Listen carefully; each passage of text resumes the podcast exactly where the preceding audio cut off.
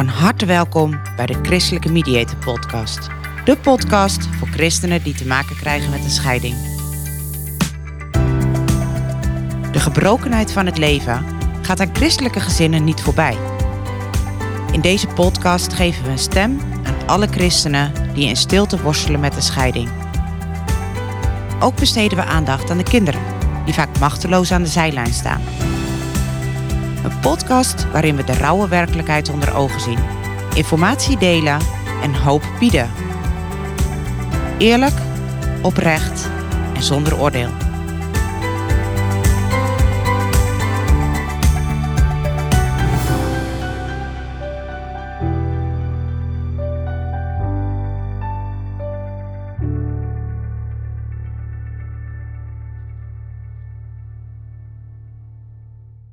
Welkom bij alweer een nieuwe aflevering van de Christelijke Mediator Podcast. Zoals vorige keer al aangekondigd, zit ik hier weer met Marjan Leenman. Vandaag gaan we in gesprek over eh, jouw werk en een boek wat je hebt geschreven over scheiden. In de vorige podcast stonden we stil bij jouw persoonlijke ervaring met scheiden. Ik eindigde die podcast met van joh, ik heb eigenlijk nog honderd vragen. En toch is er een van die honderd vragen, die is uh, blijven hangen. Dus als je het goed vindt, wil ik eerst nog even met jou terug naar de vorige podcast, waarin jij heel mooi vertelde van hey, dwars door alle duisternis en door, door alle pijn en verdriet in die periode heen, um, heb ik me heel erg gesteund en gedragen geweten door mijn hemelse vader.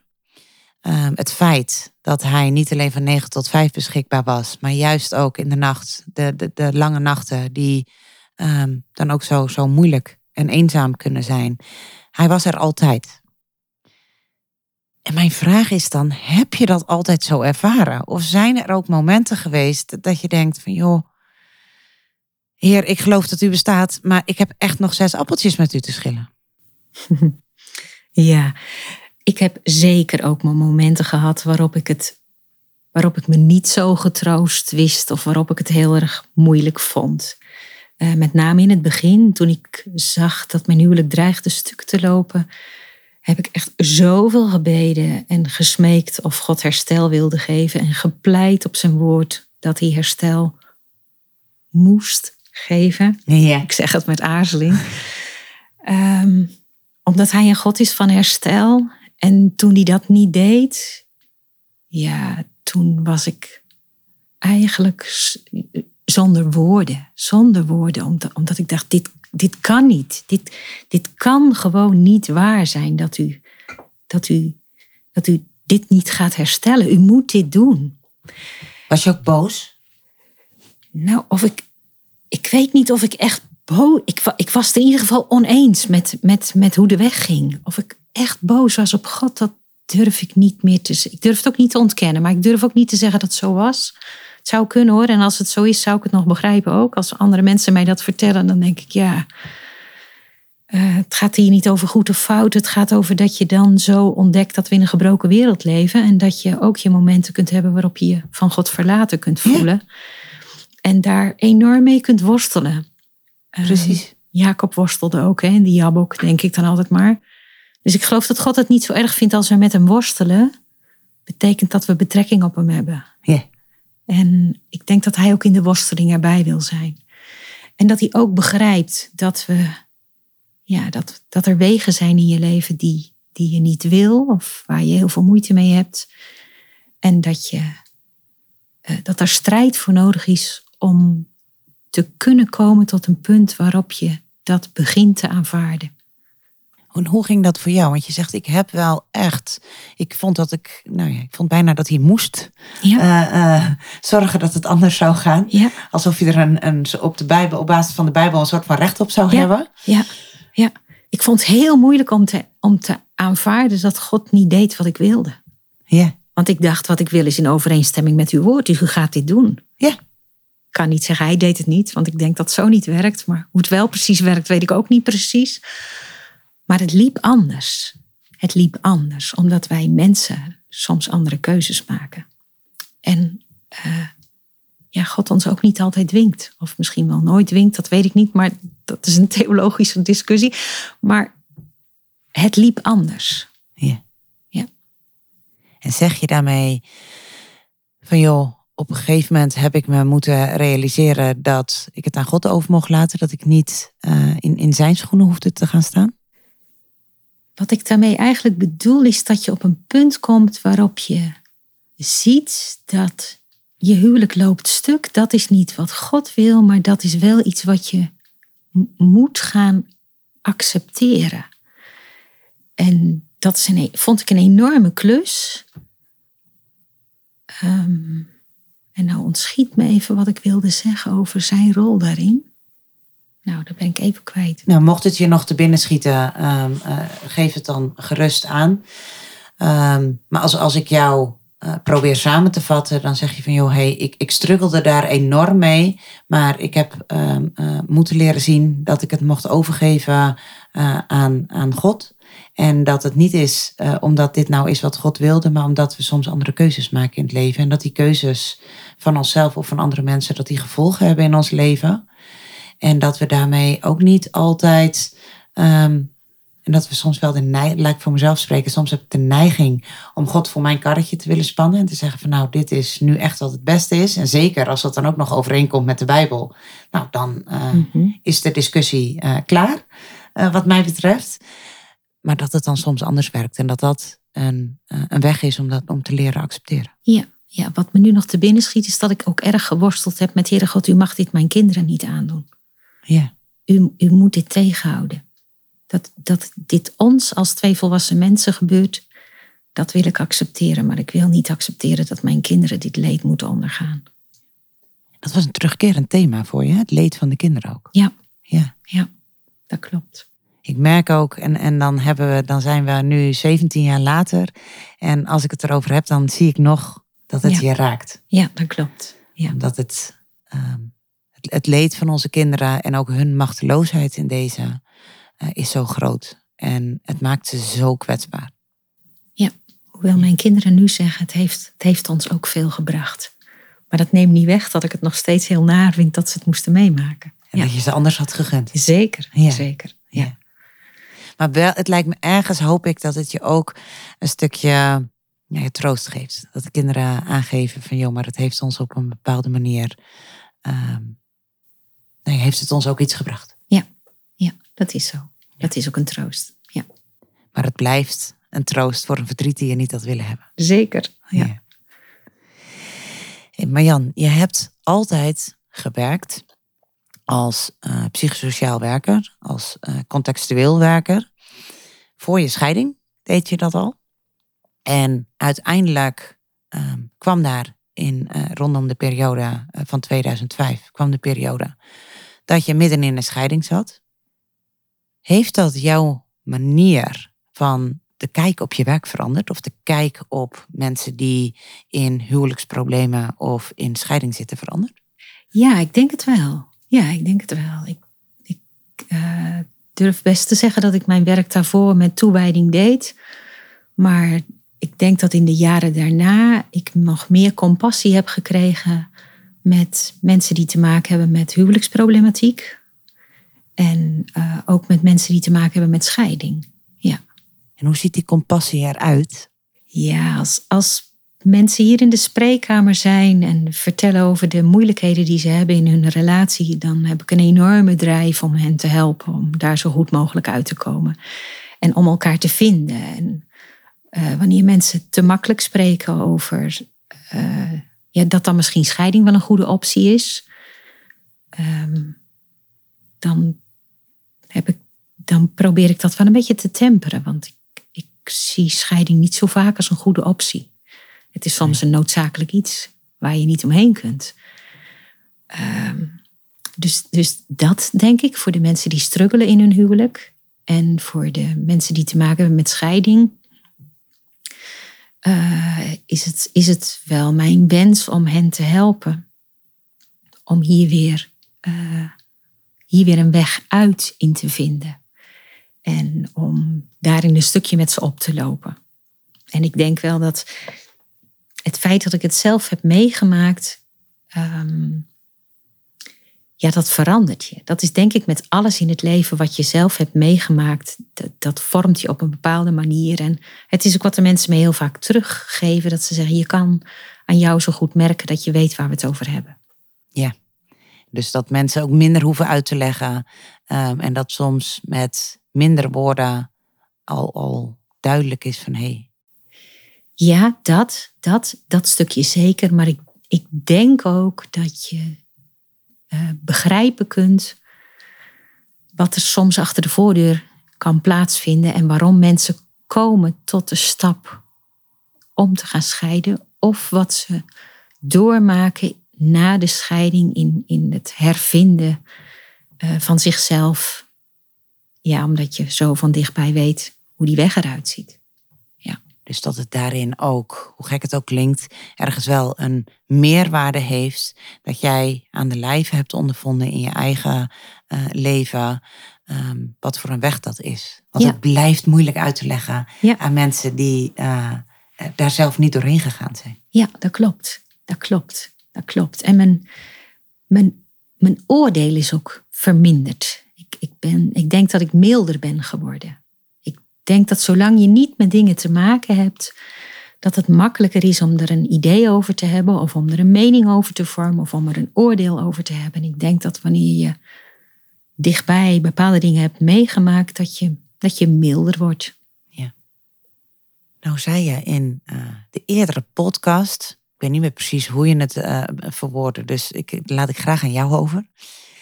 Maar je gaf aan van, joh, ik heb ergens wel God gevraagd om dit dan te gebruiken, uh, dat het op de een of andere manier nog ergens toe mag dienen.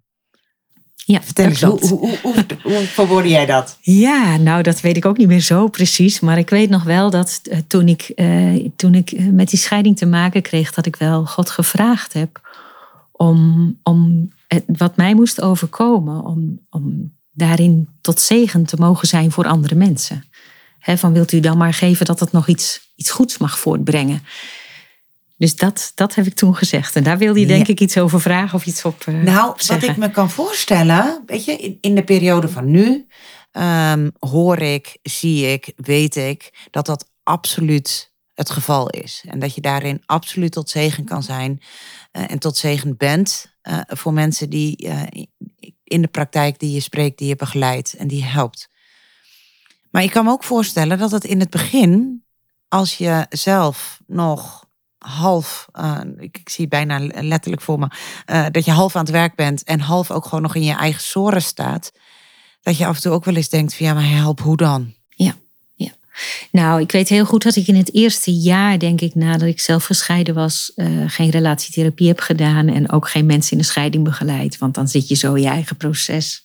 Precies. Dat dat, ja, dan kun je dat niet. Ik niet tenminste. Nee. Dus je hebt eerst je eigen heling nodig om daarna weer iets te kunnen uitdelen.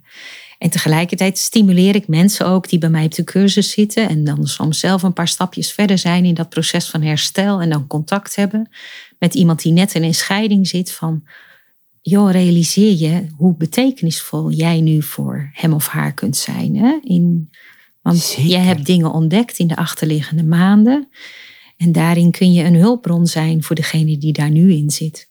Absoluut, absoluut. Maar vertel eens, cursus. Ja, cursus. Nou, uh, wij geven hier bij Schouwplaats de cursus Verder naar Echtscheiding. Uh, dat bestaat uit een uh, serie bijeenkomsten. van acht, acht, bijeenkomsten zijn het. Waarin men in de eerste bijeenkomst ieder zijn eigen verhaal vertelt. Dat is altijd een hele heftige ervaring voor mensen. Om dan zo hun eigen verhaal te delen. En in alle bijeenkomsten daarna, daarna behandelen we een bepaald thema. Mensen krijgen een map mee met uh, per keer een thema met heel veel verwerkingsvragen. Waar men echt op moet kouwen in die periode die mhm. zit tussen de ene avond en de volgende avond, vaak twee weken later of nog meer. En op de avonden zelf staan we daar dan uitgebreid bij stil. En het, het zijn groepjes van tussen de zes en de tien mannen en vrouwen die dan bijeenkomen. En dat is een gesloten groep. Dus dat wil zeggen, er komen niet halverwege nog meer mensen bij. En die groep loopt met elkaar dat proces door, dat proces van verwerking. Hey, nou vertelde je van, joh, er, er zijn dan thema's die we behandelen. Wat voor thema's hebben we het dan over? Ja, nou, we beginnen die eerste avond met uh, dat ieder zijn eigen verhaal doet. En uh, de keren daarna, dan lopen we uh, eigenlijk de rouwstappen van William Warden lopen we min of meer door. Dat is een soort rode draad in de cursus. Ja. En de tweede keer gaat het dan bijvoorbeeld over verwerking van verlies. Hè? Hoe ziet dat er nou uit? Heel veel mensen lopen met de vraag van verwerken. Wat is dat nu precies? En wanneer heb ik iets nu wel verwerkt of nog niet? En um, omgaan met emoties is ook zo'n thema. En we hebben daarna twee avonden die staan in het teken van de kinderen. Kinderen en loyaliteit en wat zijn de effecten van scheiding voor kinderen. Uh, maar er is ook een avond over omgaan met je ex-partner en je schoonfamilie. Dat is, uh, is ook echt zo'n issue wat Zeker. voor veel mensen toch wel ja, heel veel vragen oproept of soms heel ingewikkeld is. Uh, besteed ook een avond aan geloof en zingeving. En uh, de laatste avond staat in het teken van opbouwen van je eigen leven. En ergens halverwege die cursus zie je een soort kantelpunt, waarin het in het begin vooral ging om delen van wat je moeilijk vindt en waar je tegenaan loopt, naar um, zelf verantwoording nemen, zelf de regie nemen voor je eigen leven en op zoek gaan naar hoe kan ik dan uh, daarin actief stappen zetten om te zorgen dat het weer ja, dat, het, dat ik of weer meer grip krijg, of dat het beter gaat in mijn leven, of dat ik bepaalde zaken meer achter mij kan laten.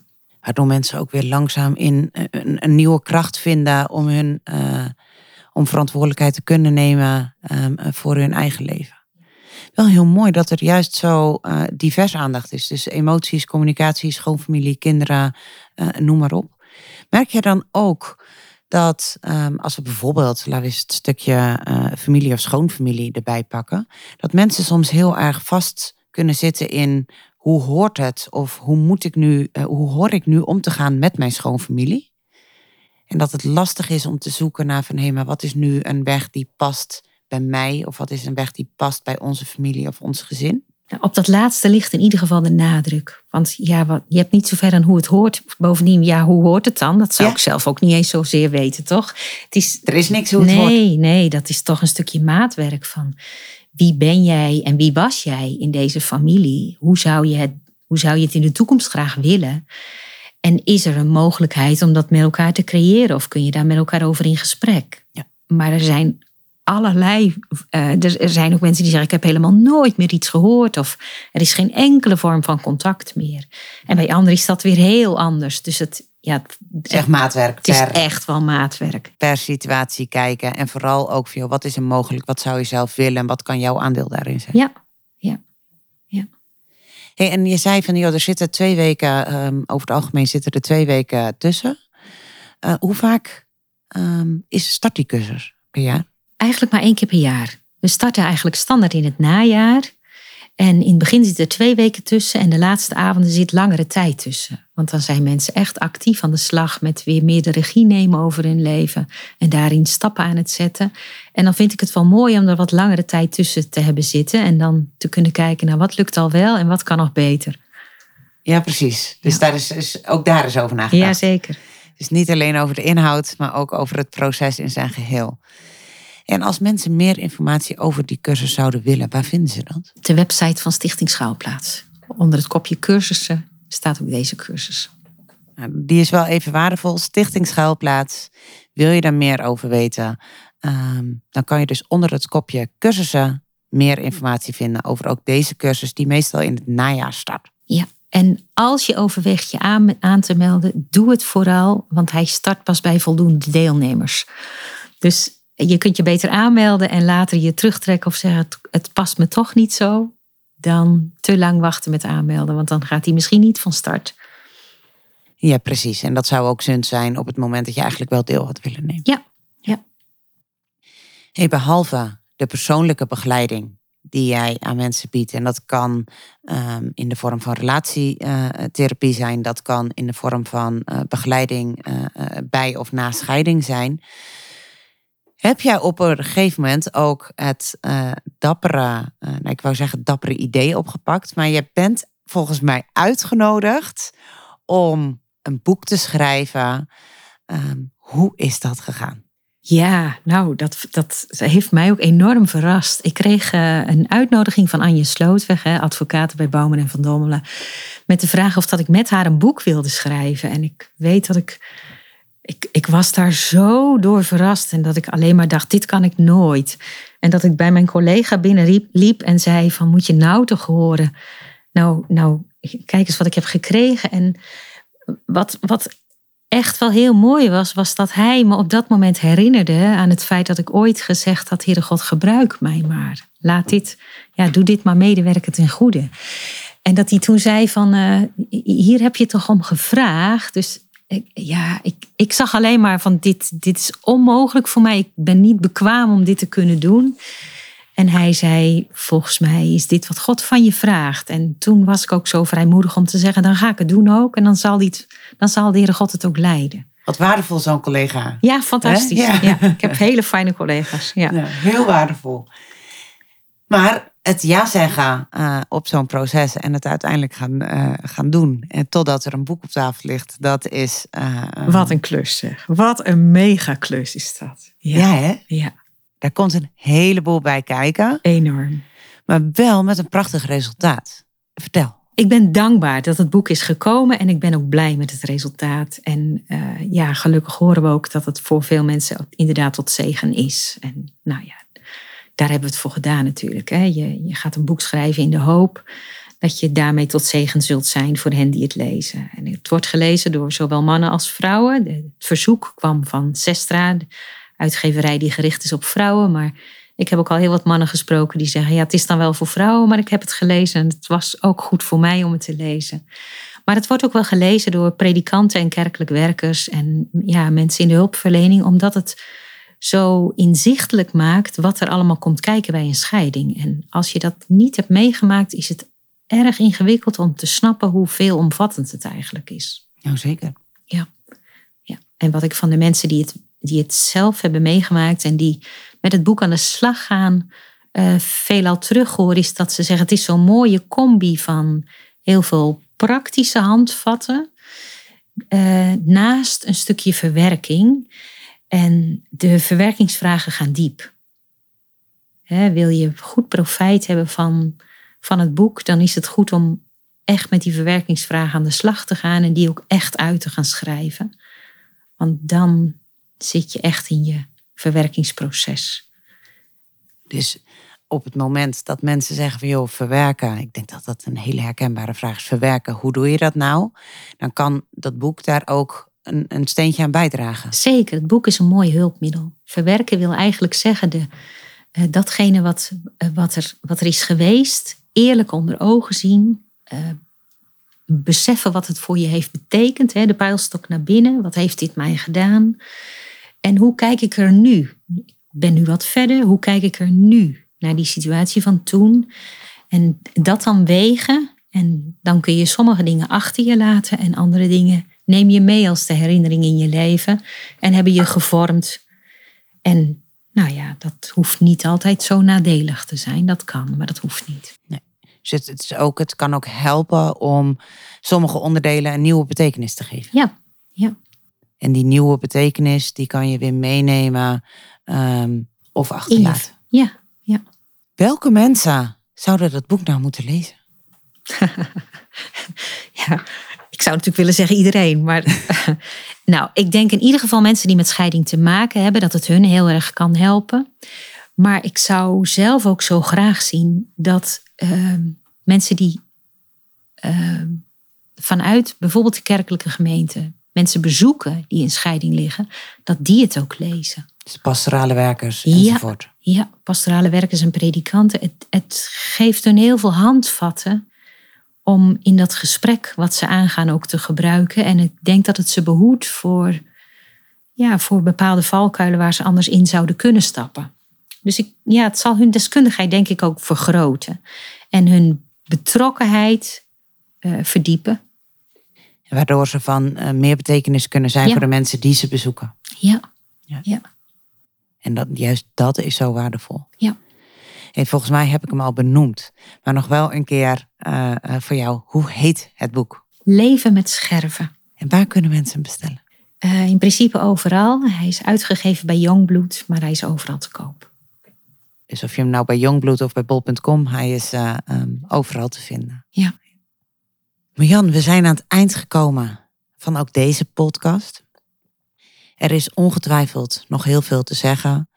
Ik zou jou graag willen vragen, is er nog iets wat jij samenvattend of wat nog niet benoemd is, wat je nog wel graag zou willen noemen, wat je wilt delen? Ja, wat zeg je dan, hè? zo aan het eind gekomen? Wat op dit moment in mijn gedachten zit, is uh, dat in de Bijbel worden we herhaaldelijk opgeroepen om om te zien naar weduwe en wezen.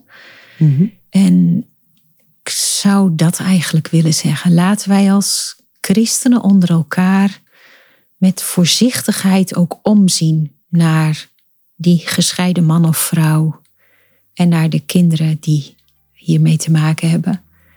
En ja, ook met bewogenheid. Dus met voorzichtigheid en met bewogenheid om hen heen staan. Nou, mo mooier had ik het niet kunnen verwoorden. Dankjewel, Mirjam. Heel graag gedaan. Dank voor het luisteren naar de Christelijke Mediator podcast.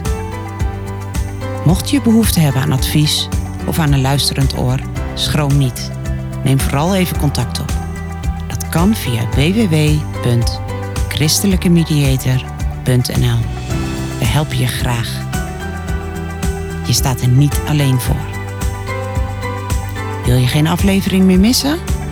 Abonneer je dan op de podcast in je favoriete luisterapp.